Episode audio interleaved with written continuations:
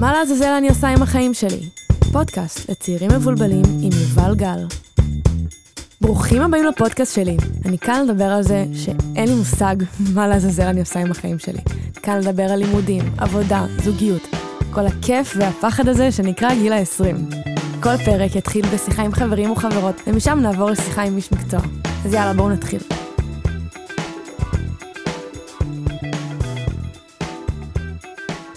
שלום לכולם וברוכים הבאים לפרק נוסף של הפודקאסט. היום אנחנו נדבר על העולם הרגשי שלנו, איך הוא מושפע מהסביבה, על ההבדלים בין גברים ונשים בגילי ה-20 כשזה קשור לרגשות, מה כדאי לנו לשאול את עצמנו כשיש תחושה של מחסום, ואיך אנחנו מוצאים את האיזון הרגשי שלנו בתוך סביבה, ותוך כדי שאנחנו לומדים להבין מה, מה אנחנו מרגישים. אז בשביל זה, מצחיק אותי, בשביל זה מצטרפים אליי רזי יהודאי, שבן 25 מהרצליה, וצח שמעון, בן 26 מקריית אתא, שאנחנו לומדים ביחד בתואר, בתקשורת. נכון. היי. נכון. אני גם אנצל ואומר שמי שלא יודע, הם לוקחים חלק ממש גדול בפודקאסט, כי הם עובדים כאן ברדיו, וכל הקלטה של פרק אני פוגשת לפחות אחד משניהם, והם פה נכון. בתמיכה נפשית, רגשית, טכנית אה, וכל דבר אפשרי. אז לפרטים תפנו אלינו, אנחנו עושים גם חתונות, הלוויות, בר מצוות. אמן. במקווה. אמן. ואתם פה עובדים, בנוסף לזה שאתם- סטודנטים, אתם עובדים פה בתור מפיקי שידור. נכון. נכון. אז יאללה, אחרי שחפרנו אפשר להתחיל. יאללה. אה, השאלה הראשונה שאני רוצה לשאול אתכם היא, הייתם מגדירים את עצמכם כאנשים שנוטים לשתף את התחושות שלכם והרגשות? כן, כן. חד משמעית. האמת שאנחנו גם מקרה נראה לי נדיר. כי רוב הגברים הם כאלה, נראה לי פחות מבטא רגשות. כן, נכון. אני חווה את זה מה- מהשותף נכון. שלי, מהחברים מסביב. אני וצח יש לנו איזה עומק רגשי, אני חושב, שמאפשר לנו לעשות את זה. נכון. כן, כאילו אנחנו, לא יודע, לוקחים את זה אחרת? אולי הרגילו אותנו לחשוב שכאילו גברים בוכים רק בלילה? לא. אנחנו בוכים גם בשלוש בצהריים, בשמונה. בבוקר, אפילו בחמש וחצי, מתי שאת רוצה. אתם ורבליים יותר, נכון? זה חד משמעי. כן, כאילו הרבה יותר, זה הרבה יותר כיף.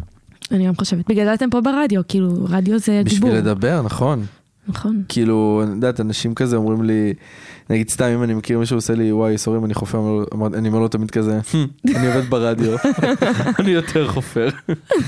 ציינתם, אמרתם שאתם משתפים ופתוחים, אתם חושבים שזה תואם גם את מי שהייתם כשהייתם ילדים? אמ, נראה לי שכן, אני תמיד הייתי כזה.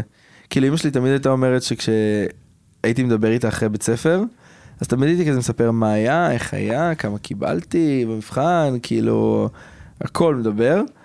ונגיד אחותי לא, כאילו אחותי כזה, איך היה? בסדר. מעניין. זה כאילו היה? הפוך כן, מבחינת סטיגמה. ממש, כאילו, ועד היום זה ככה. עשיתי דווקא אפילו כן הפוך. כאילו, דווקא בתור ילד קטן היה לי המון כזה, איך היה היום בבית ספר? סבבה, כן. זה." כאילו פחות משתף, יותר כזה בשלי, בחדר, מנגן בגיטרה, הייתי מנגן בגיטרה בתור ילד, ככה הייתי מביע את הרגשות. פחות לאנשים, בתור כזה ילד חסר ביטחון. אה, אבל כאילו ככל שהשנים עברו, אז גם ה... אה, נראה לי סוג של שחרור, הרגשתי הרבה יותר משוחרר, הרבה יותר בטוח בעצמי, אז הרבה יותר יכולתי להתבטא כמו היום. מעניין שאתה אומר את זה, כי אני מכירה אותך בתור בן אדם מאוד אה, נכון. בעל ביטחון עצמי. משוגע כזה. לא, עם כריזמה אה, חברתית נכון, מאוד נכון. חזקה ובולטת. נכון. אתה אז- נציג הסטודנטים של התואר שלנו. כן, צהוב שעושה. כל דבר, נורא מעורב, לא, עכשיו אני אראה מישהו ברחוב, אני פשוט סתם אגיד לו בוקר טוב, כי אני כזה, כן. זה האופי. אה, אבל אני חושב שזה גם משהו יפה בבגרות שלנו, שאנחנו נערים, שאנחנו חווים את העולם, שבהתחלה העולם קצת כזה, אתה לא יודע איך, מה נכון ומה לא, והאם ישפטו אותך, וזה נראה לי נוער זה משהו שתמיד כזה קשה לו גם להתמודד עם זה, מה יגידו. ואתם חושבים שכאילו קצת נגעתם בזה עכשיו, כאילו שדיברת על אחותך, צח, אה, אתם חושבים שבתור גברים אתם מקבלים מקום וכלים לבטא את עצמכם, או שכאילו קיבלתם תחושה כזה, תרגיעו, אז, פחות. לא, לא קיבלנו כלים, לא קיבלנו מקום, כי כאילו מצפים מבנים כזה של, אוקיי, יאללה, אתם חזקים, הכל טוב ותעבירו הלאה. אני יכול גם להגיד לך את זה מהקטע של, של הקהילה, כאילו, שאני חלק ממנה, שכאילו, כל הזמן אני מקבל את המשפטים של, אה, אתה חזק, זה בסדר, או שכאילו, נגיד, שואלים אותי, מה איתך? ואז אני אומר שזה עדיין משפיע. ואז אומרים לי, מה? אתה עדיין על זה? כאילו, אם, מרגיש לי שאם הייתי בחורה, אז זה היה הרבה יותר בסדר והרבה יותר לגיטימי להרגיש ככה, אבל בגלל שאני גבר זה כאילו, יאללה שטוף פנים ותמשיך הלאה ות, ותתקדם הלאה ביום שלך. וזה מעצבן, כי לא אמור להיות הבדל. אנחנו בני אדם, אנחנו מרגישים משהו, אנחנו צריכים לפרוק את זה החוצה. ולי כאילו בתור אישה אני יכולה שנתיים. יכולה, כן, שנים, כאילו זה בסדר שאת תהיי זה מושפעת האקס מפרידה אפילו. המתוסבך שלי. כן, חמש שנים וזה. אני אחרי חמישה ימים, אה, אתה עדיין על זה? כאילו, אפילו לצד השני, כאילו אני, כאילו, אתה, אם אתה קיצון אחד, אני קיצון שני ברמה של, אפילו יצאתי עם מישהי אחרי ארבע שנים, יום אחרי זה כאילו, כאילו ממש כזה, המשכתי כזה. כאילו, פתאום הרגש לא יצא, נראה לי שזה קורה אצלי ספציפית רק בזוגיות. מעניין. כאילו, אני יכול עכשיו לצאת כזה לדייט, הוא היה מושלם, היה לי נורא כיף, ואז יום אחרי זה נגיד, היא תגיד לי, אתה נורא חמוד, אבל לא זה. עכשיו, ה- האובי הזה כזה, טיפה להתבאס, זה להגיד, יואו, איזה באסה, היה כל כך כיף, מה קרה שם, זה, וכאילו, וכזה, סבבה, אין בעיה. כאילו, משהו שם ברג, בזוגי, אני חושב, אה, אצלי, כאילו, ככה מתבטא. המעבר הוא נורא חד, בין כן. רגש עצוב לשמח, או רגש כן. מבאס אולי זה. אפילו מחשבה הישרדותית כזה, של טוב, צריך להמשיך הלאה. צריך כן. להגיע לליד הבא, למצוא את האהבה הנכונה יותר. כי אם זה לא עבד, אז אין לך מה, כאילו, להתרפס מזה. וזה חשוב, אני חושב שזה סופר חשוב, כאילו, גם קצת כזה להתאבל על הסיטואציה, ולתת לה ערך, אה, אפילו גם ללמוד ממנה מה קיבלתי מאותו בן אדם או בחור, כי בסופו של דבר יש איזה כבוד מסוים שתמיד יישאר. גם אם הייתה תקופה של חודשיים או שלושה, וגם אם זה שנה או שנתיים, שזה משהו סופר חשוב. משהו שנגענו בו זה עניין של כזה סוגי רגשות. נכון. אתם מרגישים שאתם מרשים לעצמכם להיות יותר כועסים או עצובים? אני נראה לי יותר עצוב. כן, עצוב. זה מעניין, כי חשבתי שתגידו כועסים. למה? כי אנחנו בנים, ואנחנו זה כועסים. לא, כאילו, כשאני חושבת על סטיגמות כזה, זה, אני אגיד, אני מפחדת לכעוס, אני כזה מרגישה שאסור לי לכעוס. כי מה, זה יהפוך אותך להיות גברית יותר? לא יודעת אם גברית, אבל זה כאילו, זה רגע שלא לא יודעת איך לבטא אותו בתור אישה. אישה. אני מרגישה שאני יודעת לבטא מאוד עצב, יודעת מאוד זה, אבל כאילו כעס, זה, זה מגעיל, אסור לי, אבל כאילו לגברים כזה, בקטע סטיגמטי אני אומר, הם עושים את זה אז יותר זה מגניב. הקטע לגברים מגניב? לא יודעת, לא, אני רוצה... וואו, זה- זה- זה חדש. לא, אבל אני חושב שכאילו אצל גברים זה כאילו בסדר לכעוס, אבל לא בסדר להיות עצוב, ואצל נשים ההפך. כאילו זה בסדר שתהיה עצובה, אבל זה לא בסדר שתכעס. נכון, אני מסכים עם צח. ואיזה רגש אתם הכי פחות אוהבים להרגיש? כאילו לא בא, לי- לא בא לי להתעצבן על אנשים, לא בא לי שכאילו מתוך העצבים אני אבטא רגשות, כי זה לא באמת האני. כאילו זה בא מתוך איזה תסכול מסוים, או משהו כאילו שהוא קצת חסר שליטה, ברגע שאנחנו עצבנים אנחנו פחות עם שליטה, אני חושב. אצלי זה עצב. אני יודע שאני, אם אני מתעצבן וכועס, אז זה בשנייה כאילו יירגע לי ואני אתאפס על עצמי. בעצב, לא. כאילו זה המון המון המון זמן, ואני לא יודע כמה זמן זה יירגע, כמה זמן ייקח לי לצאת מזה, ואיך לצאת מזה, כי כל פעם זה שונה, כי גם כל סיטואציה היא בפני עצמה. כי אני גם לא בן אדם עצוב, אז אני גם נכון. שונא את זה. אה, ולעומת הרגש שאתם פחות אוהבים, איזה רגש אתם הכי אוהבים? כאילו, מה בא לכם הכי בטבעי? אמ, שמחה.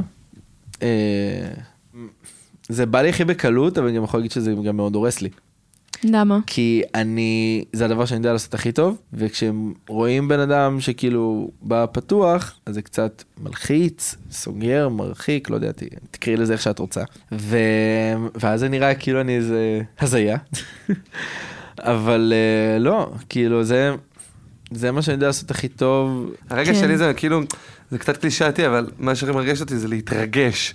זה כאילו, אבל ספציפית אני אסביר, מאירועים כאילו שהם גרמו לך לבכות, אבל מאושר, או כאילו מאיזה וואו כזה.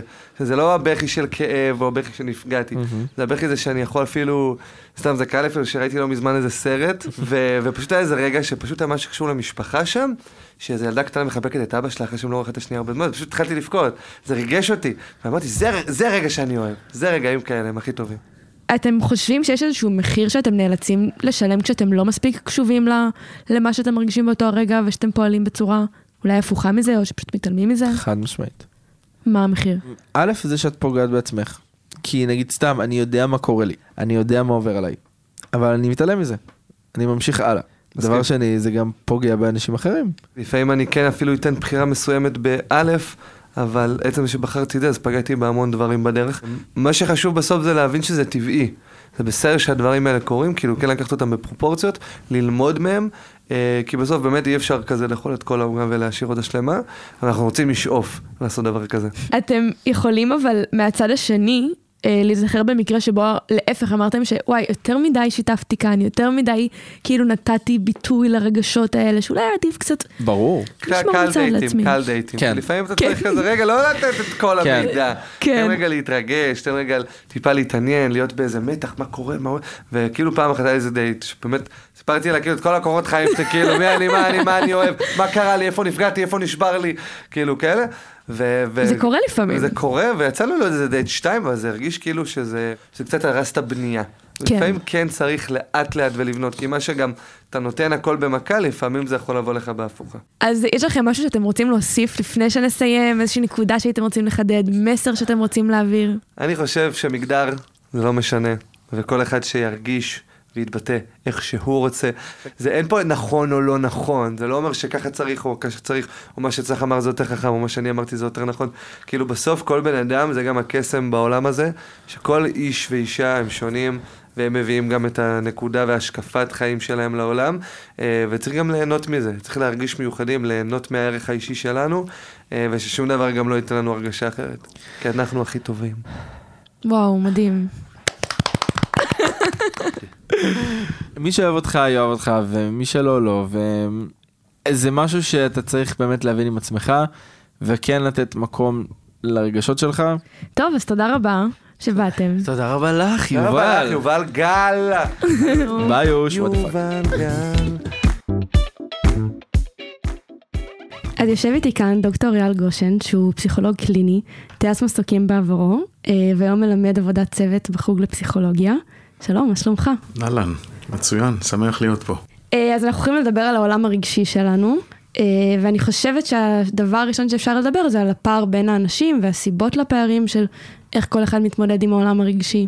אז אולי נתחיל מזה שהרגש שלנו, אנחנו לא רואים אותו, אלא אם כן הוא גולש לנו, ובכלל לעשות, כדאי לעשות הבחנה בין uh, העולם הגלוי לעולם הסמוי. בעולם הגלוי אנחנו רואים ושומעים את ההתנהגות, ובסמוי uh, זה נמצא אצלנו בפנים, ויש לנו שם רגשות, תחושות. ומחשבות. מקום אחר שיש לנו רגשות הוא גם בגוף, כי אנחנו מרגישים דברים, יש לזה הרבה פעמים גם תחושות אה, פיזיולוגיות. הרגש הוא כמו מצפן, הוא יודע לתת לנו מהר מאוד הרבה מאוד אינפורמציה על מה שקורה מסביב. ויש לו יכולת גם לתת לנו רמז לאן אנחנו צריכים ללכת או מה אנחנו צריכים לעשות. אפשר לקרוא לזה action tendency. הרבה פעמים אני שמה לב שכזה, אנשים אומרים, אני בלחץ, אז כזה, יש לי בחילה ואני מרגיש צורך להקיא, או כאילו משהו לא טוב, אז זה זה? נותן דוגמה איך רגש בא עם כל מיני תחושות פיזיולוגיות. כן. אבל מה שעוד יש בדוגמה שלך, זה שרגש בא גם עם עמדה רגשית כלפי הרגש. למשל, גם בשיחה שעשיתי עם החברים, אז שאלת אותם אה, איזה רגש הם אוהבים ואיזה רגש הם לא אוהבים, אז יש רגשות שאנשים מתייחסים אליהם סבבה. איזה יופי שאני שמח, ויש אה, רגשות שאנשים אה, לפעמים מתבאסים מזה. אומרים, אוף, למה אני עצוב? למה קמתי ככה מהשינה וכדומה. וחשוב נורא לה, להגיד שאין בעצם רגש טוב ורגש לא טוב. מה שיש זה רגש נעים יותר, ויש רגש נעים פחות, ולהיות שמח זה כנראה הרבה יותר נעים מאשר להיות עצוב, אבל זה לא הופך את השמחה לרגש יותר טוב מהעצב. כי אם אנחנו באמת רוצים להשתמש ברגש כמצפן, וגם כמורה דרך, אז אנחנו צריכים להיות עם הרגש, לתת לו להיות, ודרך זה למצוא את הכיוון שהוא נכון לנו ושהוא מתאים. אה, לפעמים גם יש לנו רגש שאנחנו לא יודעים בדיוק מה המקור שלו. כלומר, את יכולה לקום עם איזשהו מצב רוח, ולא תוכלי בדיוק לזהות מה הסיבה, מה גרם לרגש הזה. אז מה עושים במצב כזה? או, נפלא. אה, כשלומדים לעבוד עם רגשות, אז משנים את האסטרטגיה. אם פעם אמרנו איזה כיף שאני שמח ואיזה באסה שאני עצוב, אז אנחנו משנים את האסטרטגיה ואנחנו אומרים כל רגש יש לו מקום, ובאסטרטגיה החדשה, אם אני עצוב, אני אומר אוקיי, בוא נעשה לזה מקום. בוא נראה איפה העצב הזה, יש לו איזשהו לוקיישן, מה קורה לי בגוף. ודרך תהליך כזה של התבוננות, גם גופנית וגם רגשית, אני יכול לגלות הרבה יותר מה קרה, אה, והאם יש באמת איזה action tendency שהוא נכון בשבילי כרגע. כשאנחנו לומדים להקשיב לרגש ולהבין אותו, יש לנו גם אפשרות להפעיל את מנגנון הפרפר, כלומר לטוס לאור, ללכת אל המקום שהוא נכון לנו, שהוא מדויק לנו, שזה המקום שאנחנו צריכים. עם ההסתייגות שאמרתי, צריך להיזהר מהרגש המשני, שהוא יכול מאוד לבלבל אותנו. יש לי דוגמה מצוינת לזה, האמת. אוקיי, ממש קרתה היום. מעולה, לכי על זה. בדרך לכאן, יש לי היום מבחן אחר צהריים, ואז בדרך לכאן נסעתי ממש לחוצה על המבחן שאחרי ההקלטה שלנו. וזה התחיל ממש להלחיץ אותי, ואז אמרתי, יואו, עכשיו אם אני לחוצה, זה יהרוס את ההקלטה, זה יהרוס את הזה. אז אמרתי לעצמי, רגע, שנייה. והיה לי כבר מבחן לפני כמה ימים שהייתי לחוצה, וזה כבר מאוד השתלט עליי, אמרתי, אוקיי, נתתי פעם שעברה ללחץ להשתלט עליי, פה אני כאילו מקשיבה לו בזמן. אני עכשיו יודעת שאני לחוצה, אני יודעת שיש לי מבחן שאני מרגישה שלא למדתי מספיק, זאת הסיטואציה, אבל הוא עוד כמה שעות, ואין סיבה שאני אשליך את הלחץ של עוד כמה שעות עכשיו, וגם אה, נרגיש את הלחץ כדי שהוא כאילו, לכמת אותו, כאילו, לתפוס אותו בזמן.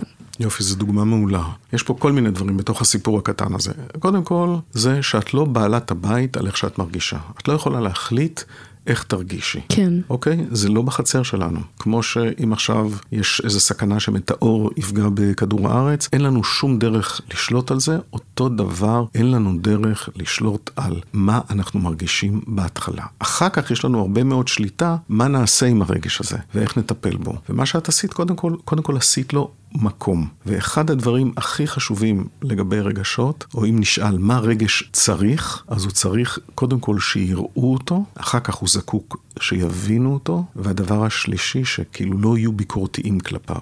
זה כמו תינוק. בדיוק, בדיוק, ככה אנחנו רוצים. כי אצל תינוק, דרך אגב, כל הרגשות הם בחוץ. גלויים. נכון. לאט לאט הוא לומד עם התהליך לווסת אותם, וחלק מהם להסתיר, כי התרבות שלנו דורשת מדי פעם, לא נותנת מרחב לכל טווח הרגשות, ואנחנו לומדים uh, חלק מהרגשות לשמור בפנים. ו... אבל בדוגמה שלך עשית לזה מקום, ועוד דבר נורא חשוב להגיד, שהרגש, האופי שלו הוא גלי. מה זה אומר? שאם אנחנו לא נפריע לו וניתן לו מקום, הוא יבוא, הוא יעלה והוא ידעך. מה קורה אם רגשות שלפעמים לא נעימים לנו? אנחנו מנסים לברוח מהם. עכשיו אני עצוב, יאללה בוא נלך לעשות משהו שמח, בוא, זה, בוא נברח מזה, בוא נתעסק במשהו אחר. טעות. כי בעצם ככה אני תוקע את הזרימה. כדי לטפל טוב ברגש, מעבר לשלושת הדברים החשובים שאמרנו קודם, אני רוצה לתת לו לזרום. אני רוצה להכיר בו, לתת לו להיות, לא להיות ביקורתי כלפיו, ובדרך הזאת הוא יעשה את הגל שלו, ואני כנראה אפסיק להיות עצוב הכי מהר בדרך הזאת. כן, בגלל שאני אני סופגת את הרגש הרע הזה, או הקשה יותר, כמו שאמרנו, הלא נעים, Mm-hmm. ואז בעצם הוא חולף יותר מהר מזה שאני נותנת לו מקום. כן, יש לו חיים, יש לו תנועה. אם אנחנו מתחילים עם כל מיני איסורים ומגבלות, אנחנו תוקעים את הזרימה שלו. מה שעולה לי מתוך הדברים שאמרנו זה ש... אוקיי, אז אני בן אדם יותר אה, רגיש, ששם לב לדברים הקטנים כי הם מאוד משפיעים עליי. ויש אנשים שפחות זה משפיע עליהם, ואז הם חיים קצת יותר מהלמעלה של זה, ואז הם קצת אולי מפספסים, אז מה הם יכולים לעשות במצב כזה? אוקיי, קודם כל יש בינינו הבדלים, אפשר להגיד כמעט מולדים, ברמת החומרה, ואפילו לא התוכנה, של אה, איך אנחנו מרגישים. יש אנשים שהם מאוד רגשיים, הם מגיבים חזק, הרגש אצלהם מגיע לעוצמות גבוהות, ולפעמים גם התדירות של ההשתנות הרגשית היא גם גבוהה, לעומת אנשים שהעוצמה הרגשית שלהם היא יותר נמוכה. אני מדבר בשלב מסוים שאנחנו כבר מבוגרים, ואומרים, אוקיי, זה המצב. והדבר השני, זה גם הנטייה של האנשים, כמה הם יכולים לפתור. לפתוח ולתקשר את הרגש שלהם. כאילו אנחנו בעצם מדברים על שני צירים שונים. ציר אחד זה הציר האנכי, זה בין אדם לעצמו. וזה החלק הראשון של מה שאמרנו. האם אני מאוד מרגיש, האם אני מרגיש חזק, האם אני מאוד עצוב, מאוד שמח וכדומה. כל זה, כל הדרמה הזאת קורית בציר האנכי. אבל יש גם את העניין של הציר האופקי, וזה איך אני מתקשר את זה עם הזולת.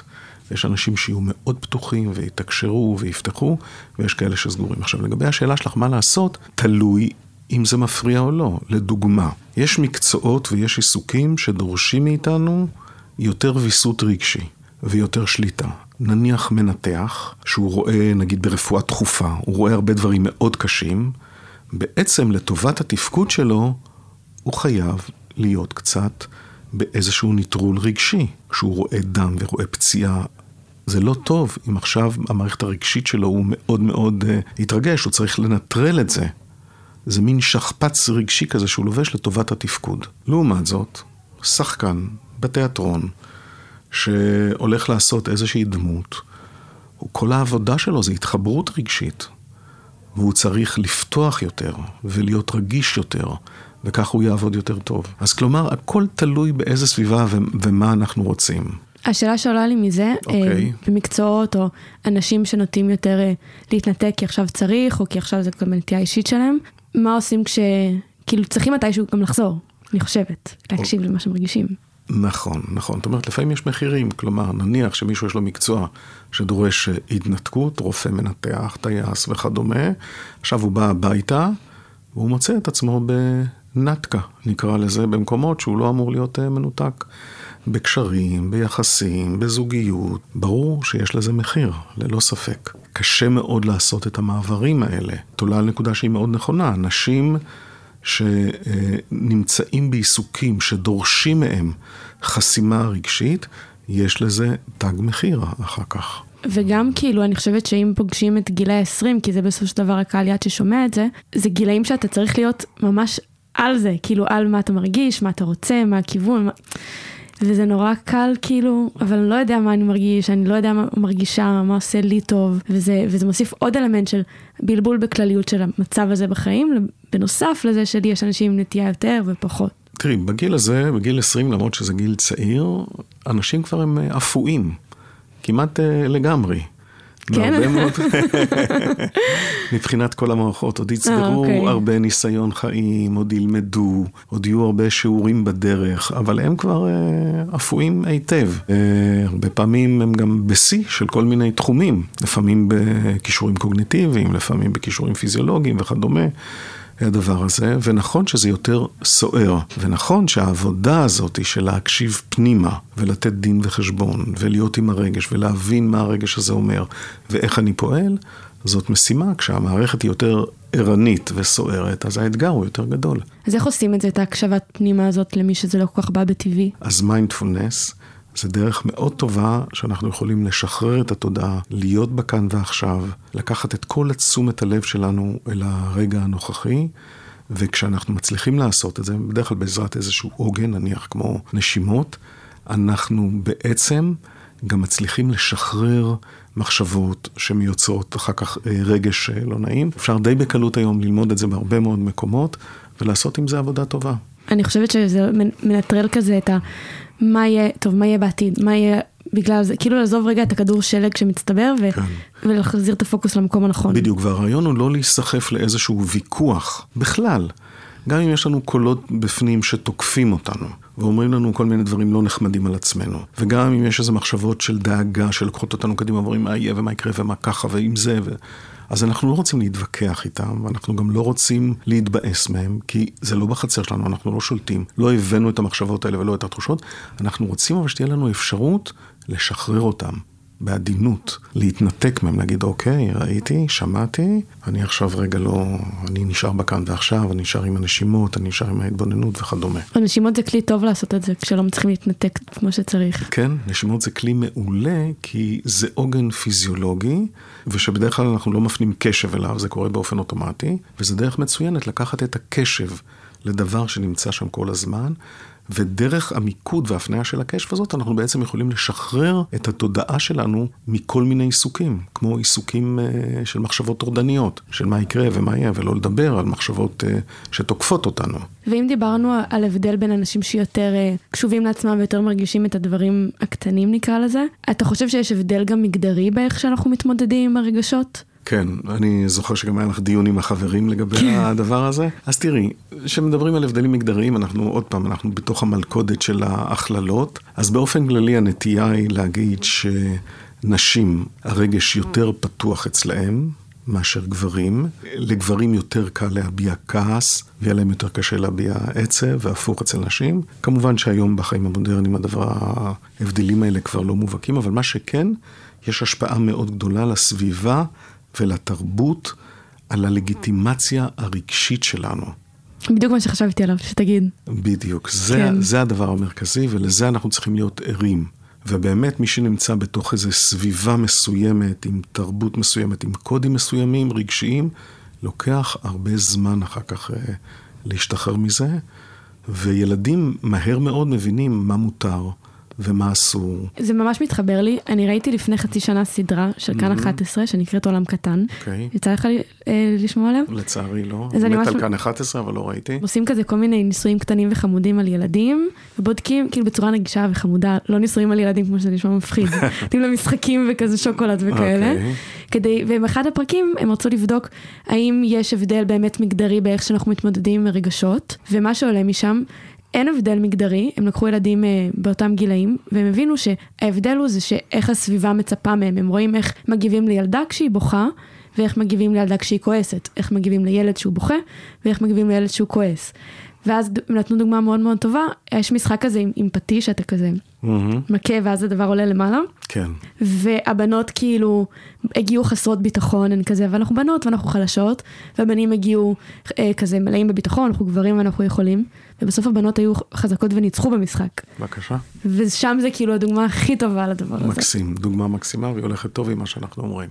כן, אז סתם זה נורא הזכיר לי את זה, וזה משהו שנורא לקחתי איתי, זה גם, זה פשוט איך שאנחנו תופסים את עצמנו ואיך שאנחנו רואים את עצמנו, וגם מה אומרים לנו בסביבה ובגן וההורים כשאנחנו קטנים. לגמרי. ומה אנחנו אומרים לעצמנו? מה ההתייחסות שלנו כלפי הרגשות שלנו? צריך להגיד ביי ביי לעולם הישן, שאם אני עצוב או יש לי רגש לא נעים, זה לא טוב, ולהתחיל לקבל את המקומות האלה, ללכת איתם, לפתוח את הצ'קרה, לתת לרגש לחיות, שהגל יעלה ויעבור, ולשאול את עצמנו, מה ה action tendency? מה מכל מה שאני מרגיש, יש פה איזו קריאה של מצפן. ומה זה fresh? ואיפה המקומות שזה, שזה, רגש משני? שאני לא, שהכעס זה לא הדבר העיקרי, הדרמה העיקרית, אלא זה שאני נפגעתי קודם. אבל אולי לא הצלחתי לבטא את הפגיעה ולא יכולתי לתקשר אותה. אבל מה קורה מהצד השני? כאילו אנחנו יודעים שזה חשוב להביע את הרגשות ולתת להם מקום, אבל מה קורה כשיותר מדי משתפים ויותר מדי נחשפים? כמו כל דבר, יש לנו תמיד מתח בין כתבים. והאומנות הגדולה של תקשורת ושל יחסים, ובכלל של איזון נפשי, זה איך אנחנו עושים את החיבור בין הכתבים. אז גם בלהרגיש יש מחיר אם אתה מרגיש, יש את הברכה והקללה, גם אם אתה מרגיש יותר מדי וגם אם אתה מרגיש פחות מדי.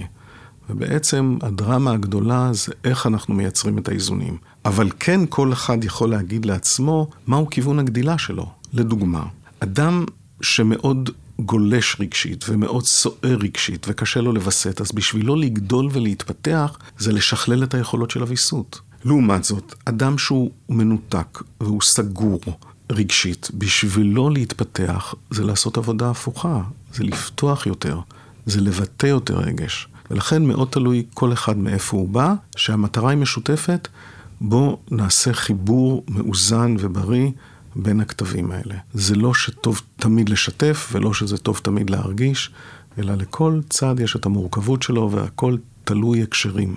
טוב, אנחנו עוד רגע מסיימים, ולפני זה אני רוצה לשאול אותך אם יש איזשהו מסר שהיית רוצה להעביר, או נקודות שהיית רוצה לחדד, דברים שלא נגענו בהם.